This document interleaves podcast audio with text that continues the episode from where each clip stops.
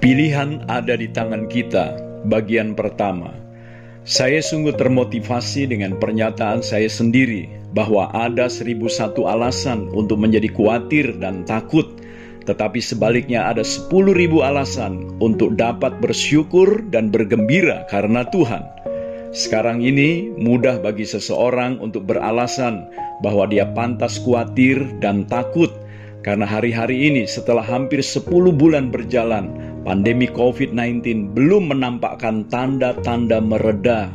Bahkan kecenderungan mereka yang positif terinfeksi semakin bertambah.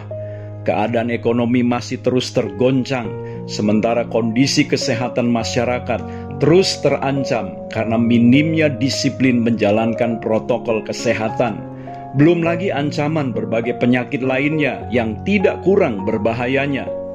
Karena situasi dianggap belum aman, pemerintah Provinsi DKI pun belum mengizinkan sekolah dilaksanakan secara tatap muka. Hal ini menimbulkan kekhawatiran akan terus berlangsungnya stres atau ketegangan baik di kalangan guru, orang tua, dan peserta didik karena proses belajar mengajar secara daring sesungguhnya tidaklah mudah.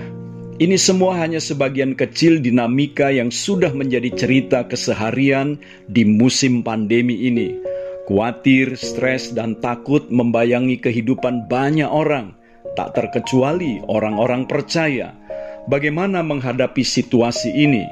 Saya mengulangi, ada seribu satu alasan untuk menjadi khawatir dan takut, tetapi sebaliknya ada sepuluh ribu alasan untuk dapat bersyukur dan bergembira karena Tuhan. Namun sepuluh ribu alasan ini harus ditemukan, dihayati dan dinikmati karena sumbernya bukan dari dunia ini, melainkan dari kebenaran firman-Nya. Hari ini kita mengingat kembali apa yang sudah kita temukan di dalam 1 Timotius 6 ayat 7. Sebab kita tidak membawa sesuatu apa ke dalam dunia dan kita pun tidak dapat membawa apa-apa keluar Jelas, waktu kita dilahirkan ke dalam dunia, kita tidak membawa apa-apa, dan kelak waktu kita mati, tidak ada sesuatu pun yang kita dapat bawa. Apa artinya? Artinya, kita sesungguhnya tidak pernah memiliki apa pun, bahkan hidup itu sendiri. Jadi, mengapa kita mengkhawatirkan sesuatu yang tidak pernah kita miliki?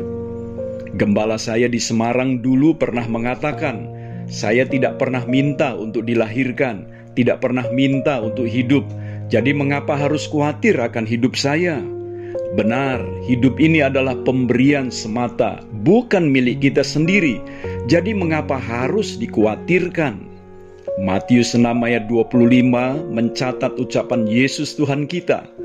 Karena itu aku berkata kepadamu, janganlah khawatir akan hidupmu, akan apa yang hendak kamu makan atau minum, dan janganlah khawatir pula akan tubuhmu, akan apa yang hendak kamu pakai. Bukankah hidup itu lebih penting daripada makanan, dan tubuh itu lebih penting daripada pakaian? Perhatikanlah perkataan Tuhan, hidup itu lebih penting dari makanan, dan tubuh itu lebih penting dari pakaian.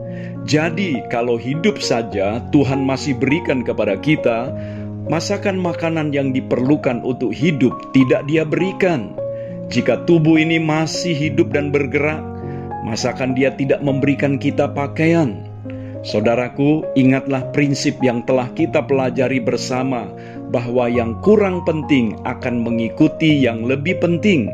Makanan mengikuti hidup, dan bukan sebaliknya hidup untuk mengejar makanan. Kekhawatiran manusia sering kali dipicu oleh ketidaktahuan akan prinsip ini. Saudaraku, jika kita masih dikaruniai hidup dan hidup itu adalah milik Tuhan, masakan Tuhan tidak menyediakan segala sesuatu yang kita perlukan untuk hidup? Nah, kita menemukan sekarang bahwa ada banyak alasan untuk bersyukur dan bergembira karena Tuhan Pertama, dengan menyadari bahwa Dialah yang akan menjamin kelangsungan hidup kita, bukan karena kita layak untuk menerimanya, tetapi karena Ia ingin kita dapat melayani Dia tanpa kekhawatiran. Masih beralasan untuk khawatir juga? Itu pilihan kita masing-masing. Saya Theo Barahama mari gemakan kerajaan sorga mulai dari rumah kita.